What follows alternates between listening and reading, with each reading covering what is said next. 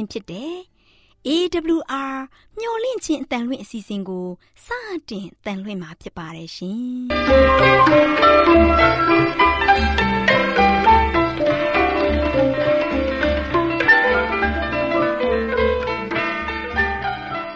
ဒေါက်တာရှင်များခင်ဗျာ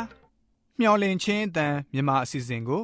နက်နက်6နိုင်မိနစ်30မှ9နာရီအထိ16မီတာ kHz 10653ည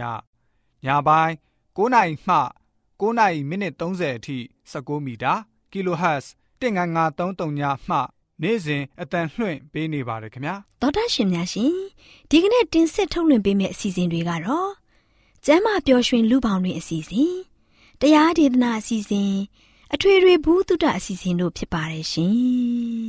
သောတာရှင်များရှင်အာရော temperament လာပန် ကျမ်းမာခြင်းသည် လူသားတိုင်းအတွက်အဓိကအရေးဖြစ်ပါသည်ဒါကြောင့်ကိုရောစိတ်ပါကျမ်းမာစေဖို့ယင်ကျမ်းမာခြင်းတရင်ကောင်းကို တင်ဆက်ပေးလိုက်ပါတယ်ရှင်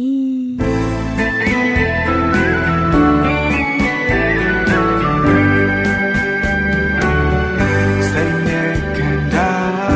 ကျမ်းမာနေမှာလူမှုဘဝစင်ပြေမှာစိတ်ချမ်းသာကိုကျမ်းမာ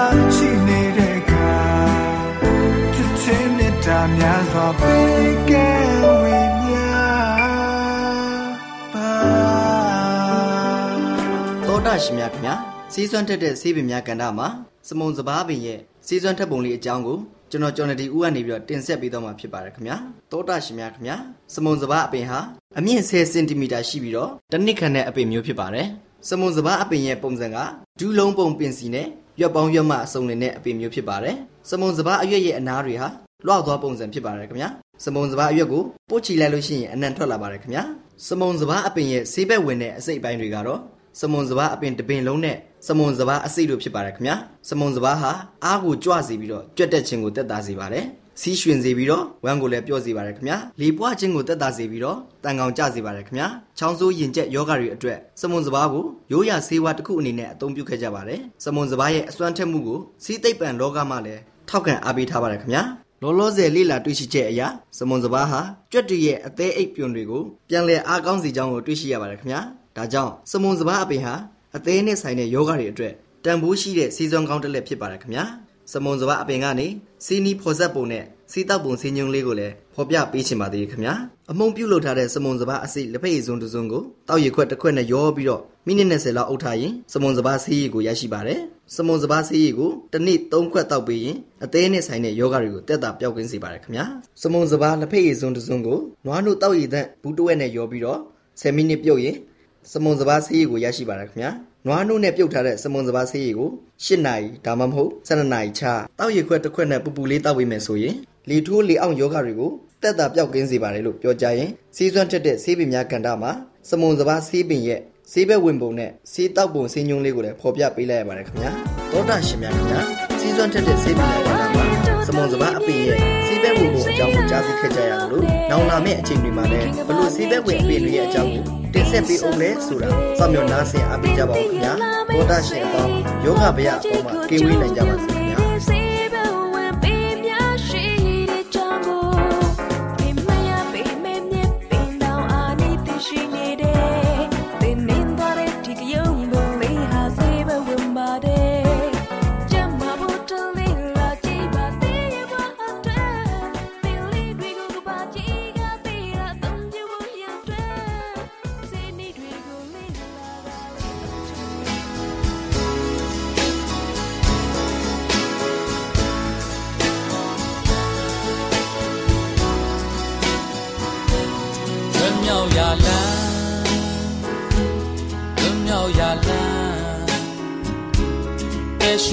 လမ်းဝမ်းမြောက်ဖွယ်တဲ့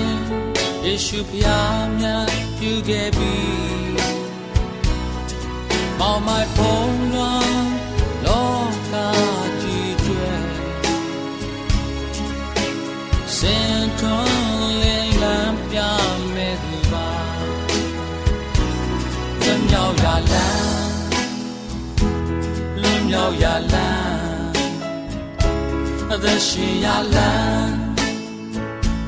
ဝမြောက်ပွဲတဲ့ယေရှုဖျားများပြုခဲ့ပြီ On my phone run တော့ကာကြည့်တွေ့စင်တော်လည်းလမ်းပြနေသူကအပြစ်သားတွေဒီခံကတော့ရဲ့မြောက်တော်နေနိုင်တင်းကျိန်တကား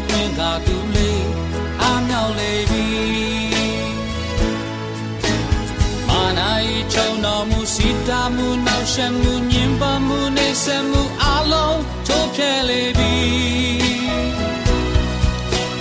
ယုံကြည်သူအလုံးတွေပြင်းရဲ့မလုံးမြောက်၍ဖျားရဲ့သားသမီးများဖြင့်သူလေးဒီနှုတ်လေပြီမာနာရဲ့ဒီသေးခြင်းလွန်မိုးမှုရဲ့အောင်မဖျားမြတ်ရဲ့သက်ရှင်ခြင်းလင်းတရားထဲကိုပို့ဆောင်ပြီအမြောက်လေပြီ ယေရှုဖျားမြတ်ထားမြောက်လေပြီသေခြင်းမထားမြောက်လေပြီ Our redemption will go Yesu Christo အမြောက်ရလမ်းယေရှု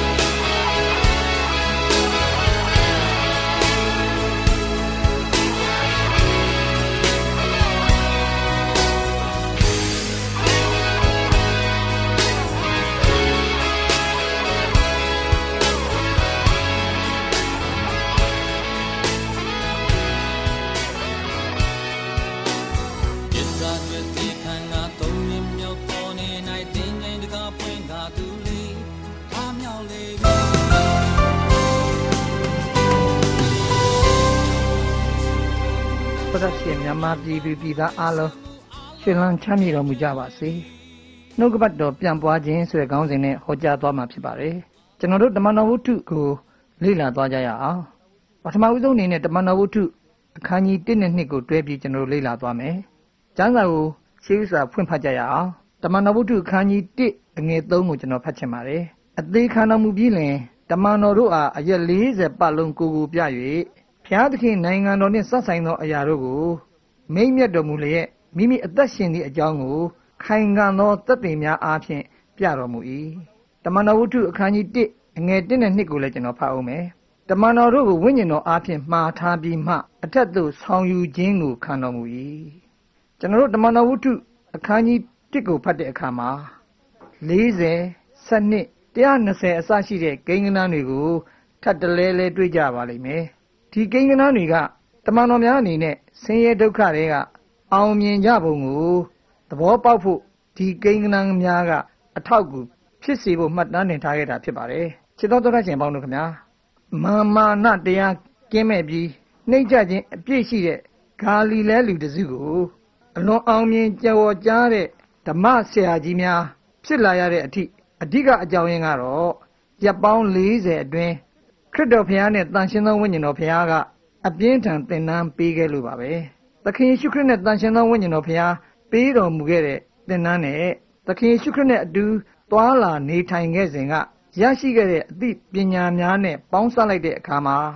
ကဘာကြီးကိုမှောက်လှန်နိုင်တဲ့ပင်ဒီကုတ်တိတကိုးတော်ကိုရရှိခဲ့ကြခြင်းဖြစ်ပါတယ်ကျွန်တော်တို့ရက်ပေါင်း40အကြောင်းစဉ်းစားရင်ထူးခြားတဲ့အဓိပ္ပာယ်ရှိတယ်လို့ဆိုရပါလိမ့်မယ်သခင်ယေရှုခရစ်ရက်ပေါင်း40အစာရှောင်ခဲ့တယ် ယောသကသူ့ရဲ့ဖခင်အလောင်းကိုရက်ပေါင်း40နဲ့ရက်ပေါင်း40နတ်နာမျိုးနဲ့ပြင်ဆင်ထားခဲ့တယ်မောရှေကရက်ပေါင်း40တိနတောင်ပေါ်မှာနေခဲ့တယ်မောရှေစေလွတ်တဲ့သူလျို12ယောက်ဟာပါလတိနတိုင်းပြည်ကိုရက်ပေါင်း40စူးစမ်းခဲ့တယ်ဣသရေလပရိသတ်အဖို့ပရောဖက်ယေဇေလကရက်ပေါင်း40ငိုကြွေးခဲ့တယ်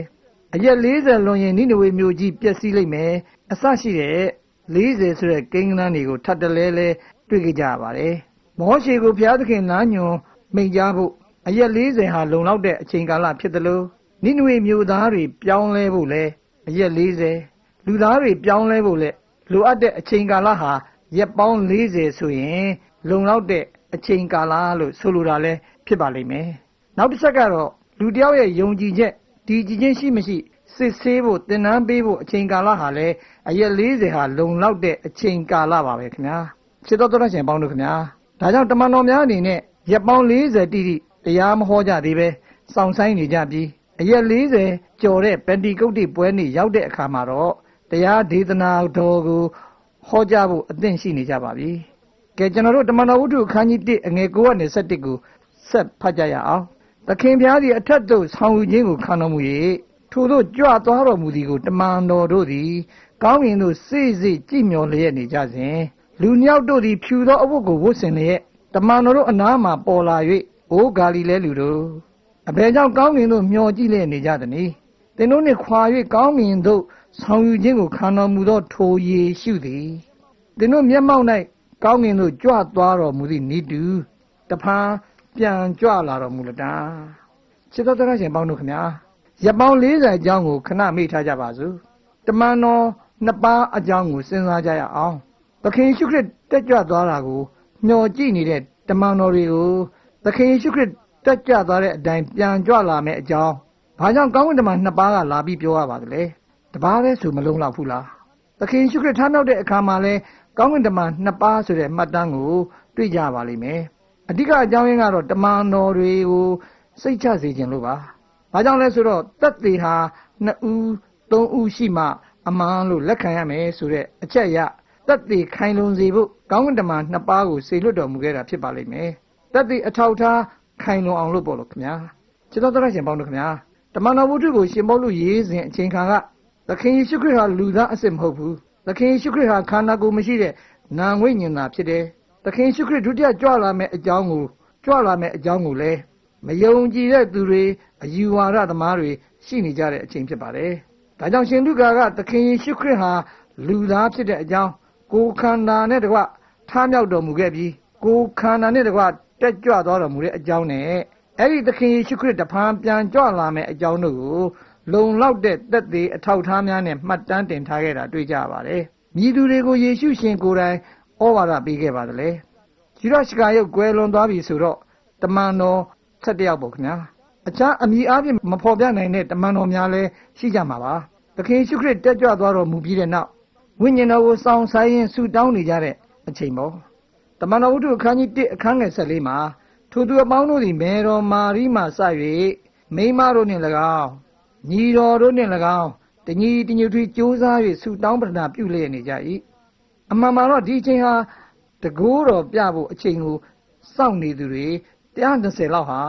ဝင်းကြီးတစ်ခါထွက်ချီတလက်ဆုတောင်းပတနာပြုရင်းစောင့်ဆိုင်နေကြတာပါ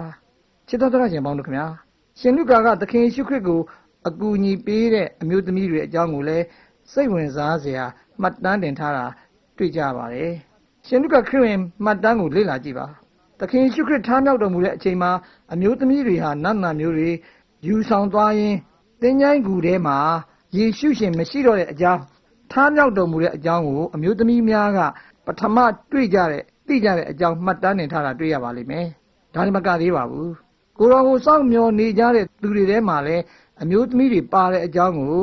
အလေးပေးရေးသားမှတ်တမ်းတင်ထားတာတွေ့ကြပါတယ်။ဘုရားတရားရှိတဲ့နေရာမှာအမျိုးသမီးများကအမျိုးသားများတဲ့မလျှော့ဘူးဆိုတဲ့သဘောကိုထင်ရှားစေဖို့လည်းဖြစ်ပါလိမ့်မယ်။ကျွန်တော်တို့ကိန်းဂဏများအကြောင်းကိုပြန်ဆက်ကြပါအောင်စို့။ ဘာကြောင့်ယုံကြည်သူပေါင်း120ဖြစ်ပါသလဲ။တချို့ကျမ်းစာလေ့လာသူတွေကယုံကြည်သူများအဖို့အလုဆဖို့အကောင်းဆုံးကိန်းဂဏဖြစ်တယ်လို့ယူဆကြပေမဲ့ရှင်လူကရဲ့စိတ်ထဲမှာတော့ရည်ရွယ်ချက်တစ်ခုခုတော့ရှိကောင်းရှိပါလိမ့်မယ်။အဲ့ဒီအချိန်လူဦးရေကသူတို့တိုင်းပြည်မှာ၄သန်းကရှိတယ်ဆိုတော့အမှုတော်ဆောင်ရွက်ဖို့ဆုံးဖြတ်ဆက်ကပ်ထားတဲ့အမှုတော်ဆောင်က120သာရှိတယ်ဆိုရင်လူဦးရေ3000မှာမှယုံကြည်သူတယောက်သာရှိတဲ့သဘောပေါ့ အဲ့ဒီအချိန်ကယောမအင်ပိုင်ယာမှာတန်း80နီးပါးရှိပါတယ်တနည်းအားဖြင့်ကိန်းကနန်း120ဟာခရိယန်ယုံကြည်သူတစုကိုပုံမှန်ပြုထားတဲ့ကိန်းကနန်းမှာခရိယန်အုပ်စုငယ်ကလေးဟာလူနည်းစုကလေးဖြစ်ပေမဲ့တန်ရှင်းသောဝိညာဉ်တော်တကူအားဖြင့်ဘလောက်အောဘရာကောင်းအောင်စဆောင်ရွက်အောင်မြင်ခဲ့ပုံကိုနောင်လာနောင်သားများသိစေဖို့မှတ်တမ်းတင်ထားခဲ့တာတွေ့ကြပါတယ်။နောက်ကိန်းဂဏန်းတစ်ခုကိုကြည့်မယ်ဆိုရင် စနစ်ဆိုတဲ့ကိန်းဂဏန်းကိုတမန်ကျမ်းစာမှာထပ်ခါတလဲလဲအသုံးပြုထားတာတွေ့ကြပါလိမ့်မယ်။ဥပမာယာကုပ်ရဲ့သား12ယောက်ဣသရေလ12မျိုးရှေးခေတ်တန်ရှင်းရဌာနအတွင်းမှာလဲနွားဒီ12ကောင်မုံ12ချက်ရှည်စွန်း12ချောင်းတိုး12ကောင်စိတ်12ကောင်ဒုတ်12ချောင်းတမန်တော်12ပါးအစရှိသည်ပေါ့ခင်ဗျာတခါယူဒရှကာယုတ်တည်သွားတဲ့အချိန်မှာလဲဘာရှဘခေါ်ယောသနဲ့မတ်တိတို့ကိုစည်ရန်ချပြီး တဦးကိုသာထပ်မံရွေးချယ်ခဲ့ပြန်ပါတယ်ဒါကြောင့်စနစ်ဆိုတဲ့ကိန်းကနန်းကိုအပြတ်မခံလို့တဲ့သဘောပေါ့မဲချတဲ့အခါမှာမတ်တိကရတော့တမန်တော်12ယောက်ပြန်ဖြစ်လာပြန်မှာပြန်ဖြစ်လာပြန်ပါတယ်အဲ့ဒီတမန်တော်12ပါးဟာဒီကနေ့ခရိယံများရဲ့ဘိုးဘေးကြီးများပါပဲခင်ဗျာချစ်တော်တော်ရှင်ပေါင်းတို့ခင်ဗျာတမန်တော်12ပါးဥဆောင်ပြီးဘုရားသခင်အမှုတော်အတွက်ဆက်ကပ်ခဲ့ကြတဲ့ယုံကြည်သူပေါင်း130ဟာယေရုရှလင်မြို့ အထက်ခမ်းမအတွင်းမှာတလုံးတဝရီဆက်ကပ်ဆူတောင်းရင်တန်ရှင်သောဝိညာဉ်တော်လမ်းပြမှုကိုစောင့်ဆိုင်နေခဲ့တဲ့အချိန်မှာရုတ်တရက်လေပြင်းမုန်တိုင်းတိုက်ခတ်လာတော့သူတို့တထွေမကြောက်ကြပါဘူးဒါဟာဘုရားသခင်ရဲ့အဖြစ်ပဲလို့ဝန်တာအားရဖြစ်လာကြပါတယ်အဲ့ဒီအချိန်မှာသူတို့အသီးသီးရဲ့ခေါင်းပေါ်မှာမီးရှာများပမာထွန်းလင်းနေကထွန်းလင်းနေတာကိုမျက်ဝါးထင်ထင်တွေ့မြင်ကြရတဲ့အပြင် အဲ့ဒီအချိန်ကစပြီးတန်ရှင်းသောဝိညာဉ်တော်ရဲ့လမ်းပြပို့ဆောင်မှုကိုရရှိခဲ့ကြပါတယ်ချစ်တော်တော်ရှင်ပေါင်းတို့ခင်ဗျာသက်သေခံခြင်းနဲ့တန်ရှင်းသောဝိညာဉ်တော်တကူဟာတွန်တွဲနေတာပါသက်သေခံမှုအတွက်တန်ရှင်းသောဝိညာဉ်တော်တကူကိုပေးတာပါဒါကြောင့်တန်ရှင်းသောဝိညာဉ်တော်ရရှိဖို့တောင်းလျှောက်မယ်ဆိုရင်သက်သေခံလို့တဲ့စိတ်ဆန္ဒရှိမှသာဝိညာဉ်တော်ကိုရပါလိမ့်မယ်တစုံတစ်ခုအတွက်ရည်မှန်းချက်နဲ့တန်ရှင်းသောဝိညာဉ်တော်တကူကိုတောင်းလျှောက်မယ်ဆိုရင်ဘုရားသခင်ပေးမှာမဟုတ်ပါဘူး ယုံကြည်သူပေါင်း120သက်သေခံမှုအတွက်တလုံးတဝရီဆူတောင်းကြတဲ့အခါမှာသူတို့အားလုံးတန်ရှင်းသောဝိညာဉ်တော်ရရှိခဲ့ကြတာပါလူပေါင်း120လုံးဘာသာစကားအမျိုးမျိုးကိုပြောနိုင်ခဲ့ကြတာပါအ ਨੇ ဆုံးဘာသာပေါင်း14မျိုးလောက်ကိုတမန်တော်ပေါင်း120အားလုံးပြောနိုင်ခဲ့ကြတာပါတရားဟောတဲ့နေရာမှာဘာသာစကားအမျိုးမျိုးနဲ့ဟောပြောနိုင်ခဲ့ခြင်းဟာအဲ့ဒီအချိန်ကသက်သေခံတဲ့နေရာမှာတကယ့်ကိုအရေးပါတဲ့ အဓိကကြတဲ့အချက်တစ်ချက်ဖြစ်ပါတယ်လူတိုင်းလူတိုင်းမိမိဘာသာစကားနဲ့ကြားကြရလို့အချင်းချင်းပြောဆိုကြတဲ့မှတ်တမ်းကိုလည်းတမန်ကျမ်းစာမှာကျွန်တော်ဖတ်ပြပါရစေတမန်တော်ဝုဒ္ဓအခန်းကြီး2 7နဲ့7နဲ့ဂရေတီပြည်သားအာရပြည်သားအသီးသီးဖြစ်သောငါတို့အားဤသူများသည်ဖျားသခင်အံ့ဩပွေသောအမှုတော်တို့ကိုငါတို့အမျိုးမျိုးဘာသာစကားအဖြစ်ဟောကြသည်ကိုကြားရပါသည်တကားဟုအချင်းချင်းပြောဆိုကြ၏ထိုလူအပေါင်းတို့သည်မိမော တွေးတော်သောစိတ်ရှိသည်နှင့်ဤအမှုရာသည်အဘယ်သို့သောအမှုရာဖြစ်သည်ဟုတယောက်ကိုတယောက်ပြောဆိုကြ၏ခြေတော်တော်ရှင်မောင်တို့ခင်ဗျာကျွန်တော်တို့တမန်တော်ဝုဒ္ဓကိုလေ့လာခဲ့ကြတဲ့အခါမှာတမန်တော်12ပါးအမှုတော်အတွက်အဓိကဖြစ်ပါသလားတန်ရှင်သောဝိညာဉ်တော်ကအဓိကဖြစ်ပါသလားတမန်တော်12ပါးရဲ့စွန်းစွန်းတမန်အာကျူးမှန်တဲ့ဆောင်ရွက်ခဲ့ကြတာကတော့အမှန်ပါဒါပေမဲ့တမန်တော်12ပါးကအဓိကမဟုတ်ပါဘူးတန်ရှင်သောဝိညာဉ်တော်တကူကအဓိကပါ ဒါပေမဲ့တန်ရှင်သောဝိညာဉ်တော်ဝတ္ထုလို့တော့ခေါ်လို့မဖြစ်နိုင်ပါဘူးခင်ဗျာတမန်တော်ဝတ္ထုကိုစေးစေးဆက်ဆက်လေ့လာကြည့်ပါသခင်ယေရှုခရစ်မှာတန်ရှင်သောဝိညာဉ်တော်ရောက်ရှိလာတဲ့အခါမှာလေတန်ရှင်သောဝိညာဉ်တော်ကသခင်ယေရှုခရစ်အတွက်သက်သေခန္ဓာကိုတွေ့ရပါလိမ့်မယ်တကယ်တော့အမှုတော်အောင်မြင်ဖို့အတွက်သခင်ယေရှုခရစ်ကသာအဓိကဖြစ်ပါတယ်အမှန်မှတမန်တော်ဝတ္ထုဟာသခင်ယေရှုခရစ်ရဲ့အထုပ်ပတ်တိကိုသခင်ယေရှုခရစ်ကဘာပေါ်မှာဘယ်လိုဘယ်ပုံအမှုတော်ဆောင်ရွက်ခဲ့ပုံနဲ့ ရှင်ပြန်ထားမြောက်တော်မူပြီးတဲ့နောက်ကောင်းငင်ဘုံကိုဘယ်လိုဘယ်လိုပြန်တက်ကြွသွားပုံကိုပြန်လဲရှင်းပြထားတဲ့သခင်ယေရှုခရစ်ရဲ့အထုပ်ပတ်တိပါပဲချစ်တော်တော်ရှင်ပေါင်းတို့ခင်ဗျာကောင်းငင်ကိုမျှော်ကြည့်ပြီးတကူကိုတောင်းလျှောက်ကြတဲ့အခါမှာလဲဒီအချက်ကိုသတိရကြပါတက်သေးခံနေတဲ့အချိန်မှာလဲဒီအချက်ကိုသတိရကြပါအားလုံးရဲ့အဓိကဘဟုဟာသခင်ယေရှုခရစ်ပါပဲဒါကြောင့်ကျွန်တော်တို့အသက်တာရဲ့ဘဟုအချက်ချာဖြစ်တဲ့ သခင်ယေရှုခရစ်ရဲ့ဘုန်းတော်ကိုထင်ရှားစေကြပါစို့လို့ဆုတောင်းရင်းညီကုန်းချုပ်လိုက်ပါတယ်အာမင်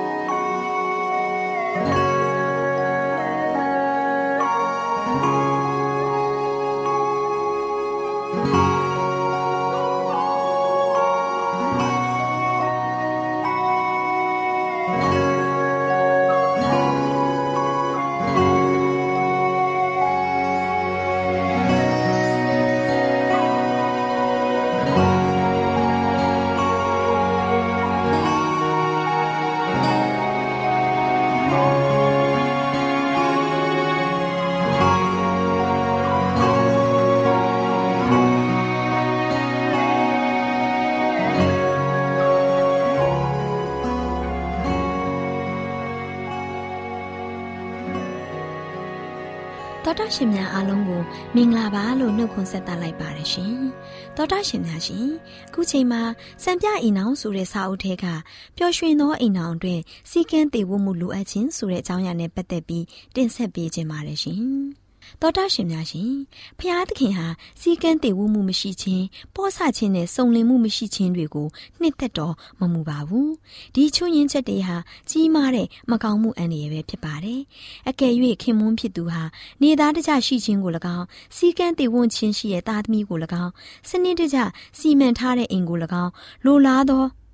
သူဖြစ်မယ်ဆိုရင်ဇနီးဖြစ်သူပေါ်၌ချစ်ခင်မြတ်နိုးခြင်းများတဖြည်းဖြည်းလျော့နေလာလိမ့်မယ် တော်တာရှင်များရှင်ဖျားသခင်ဟာစီကန်းတည်ဝမှုမရှိခြင်းပောဆခြင်းနဲ့စုံလင်မှုမရှိခြင်းတို့ကိုမနှစ်သက်ပါဘူးဒီချွရင်ချက်တွေဟာကြီးမားတဲ့မကောင်းမှုအန္တရာယ်ဖြစ်ပါတယ်ခင်မွန်းတဲ့ဖြစ်သူဟာနေသားတကြရှိခြင်းစီကန်းတည်ဝခြင်းသားသမီးများကို၎င်းစနစ်တကျစီမံထားတဲ့အိမ်ကို၎င်းလိုလားတဲ့သူမဖြစ်ဘူးဆိုရင်ဇနီးဖြစ်သူအပေါ်မှာလဲချစ်ခင်မြတ်နိုးခြင်းများတဖြည်းဖြည်းညော့နေလာမှာဖြစ်ပါတယ်ဇနီးတဲ့နဲ့မိခင်ဟာ စီကန်းတည်ဝတ်ခြင်းကိုနှစ်သက်ခြင်းမိမိရဲ့ဂုံတိတ်ခါကိုစောင့်ထင်းခြင်းကောင်းစွာအုပ်ထိခြင်းစတဲ့အရေးချင်းများမရှိဘူးဆိုရင်အိမ်နောင်ဟာနှစ်သက်ပျော်ရွှင်ပွဲကောင်းအောင်မပြုလုပ်နိုင်ပါဘူး။ဒါကြောင့်အိမ်ရှင်မတွေဟာမိမိတို့ရဲ့ချုပ်ရင်းချက်တွေကိုပြုပြင်ရမယ်။ဒီချုပ်ရင်းချက်တွေအနက်အကြီးဆုံးသောလိုအပ်ချက်တွေကိုချက်ချင်းပြုပြင်သင့်ပါတယ်။ တော်တာရှင်များရှင်ကျွန်ုပ်တို့ကိုကျွန်ုပ်တို့ကိုယ့်ရဲ့ချွယွင်းချက်ကိုသိပြီးကိုယ့်ရဲ့အသက်တာကိုဖျားသခင်ထံအနံ့ရမယ်။အိမ်အောင်ရဲ့အသက်တာလွယ်ကူပြီးတာမန်ဖြစ်နေတဲ့တာဝန်များတဲ့အရေးကြီးပုံကိုမှန်ကန်တဲ့ရှုထောင့်မှတွေ့မြင်မှာဖြစ်ပြီးကျွန်ုပ်တို့အနေနဲ့ဒီတာဝန်တွေကိုဖျားသခင်ရဲ့အလိုတော်နဲ့အညီထမ်းဆောင်ကြမှာဖြစ်ပါတယ်။ ကျွန်ုပ်တို့ဟာနိုးနိုးကြကြရှိပြီးလူသားကြွလာတော်မူခြင်းကိုစောင့်မျှော်နေကြရမယ်။ဒါအပြင်ကျွန်ုပ်တို့အနေဖြင့်တတိဝရိယရှိရမယ်။အလုတ်လုတ်လျက်စောင့်မျှော်နေရန်လိုအပ်ပါတယ်။ တစ်ချိန်မှာခရိယန်တို့ရဲ့ဇာရိတကိုချိန်ဝင်ရှာခဲ့သူမျှတစေပြီးကောင်းမွန်စွာဖွင့်ပြထွန်းကားစေလျက်အချိုးစားညီညွတ်စေရမှာဖြစ်ပါတယ်။အခြားခြားသောအိမ်အလုပ်ဟုသမျှကိုလစ်လျူရှုပြီးဖျားကိုအာယုံပြုခြင်းစန်းစာကိုလေ့လာခြင်းဆုတောင်းခြင်းအပြင်သာအချိန်ကိုကုန်လွန်စေရမယ်လို့ဆိုလိုတာမဟုတ်ပါဘူးရှင်။မိမိရဲ့ လုပ်ငန်းဆောင်တာများကိုသာလုပ်ကင်ပြီးဖျားရေးတရားရေးကိစ္စများကိုလစ်လျူရှုလျက်လောက်အောင်တစ်ချိန်လုံးသွာလာလှုပ်ရှားလုပ်ကင်နေရတာကိုမလှုပ်ဆောင်သင့်ပါဘူးကျွန်ုပ်တို့ဟာမိမိရဲ့လုပ်ငန်းဆောင်တာများကိုလုပ်ကင်ရင်ဖျားတရားရေးကိုလည်းလုပ်ကင်ဆောင်ရွက်ရမှာဖြစ်ပါတယ်ရှင်ကျွန်ုပ်တို့ဟာအားထုတ်ခြင်းအရာမှာပြင်းရည်ခြင်းမရှိဘဲနဲ့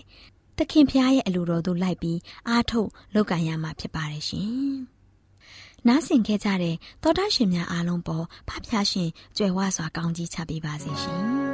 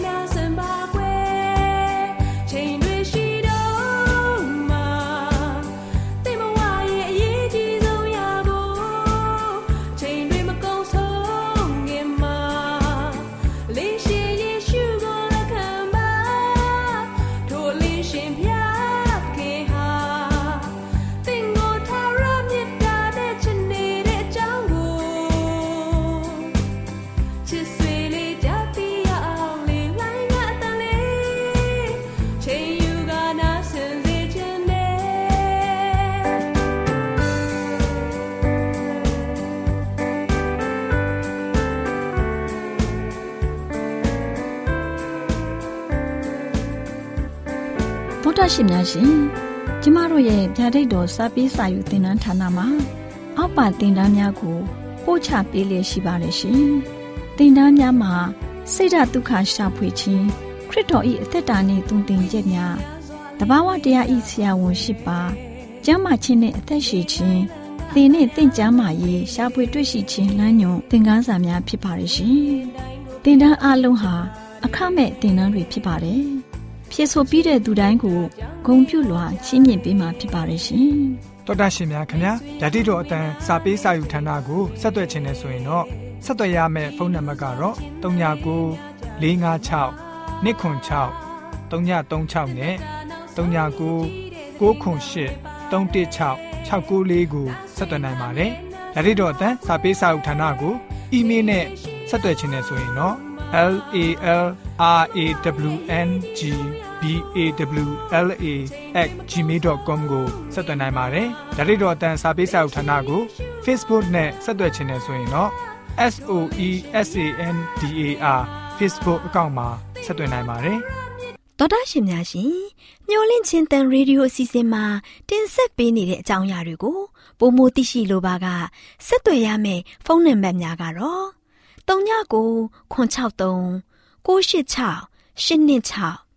ဖြစ်ပါတယ်ရှင်။နောက်ထပ်ဖုန်းတစ်လုံးနေနဲ့39ခွန်6ခွန်88ခွန်669တို့ဆက်သွယ်မြင်းမြန်းနိုင်ပါတယ်ရှင်။တော်တာရှင်များရှင် KSTA အာကခွန်ကျွန်းမှာ AWR မျိုးလင့်ချင်းအတံမြန်မာအစီအစဉ်များကိုအတံလွှင့်ခဲ့ခြင်းဖြစ်ပါတယ်ရှင် AWR မျော်လင့်ခြင်းအတန်ကိုနာတော်တာဆင် गे ကြတော့တောတာရှင်အရောက်တိုင်းပေါ်မှာဖျားသခင်ရဲ့ကြွယ်ဝစွာသောကောင်းကြီးမင်္ဂလာ တက်ရောက်ပါစေကိုယ်စိတ်နှဖျားစမ်းမွှေလန်းကြပါစေကျေးဇူးတင်ပါတယ်ခင်ဗျာ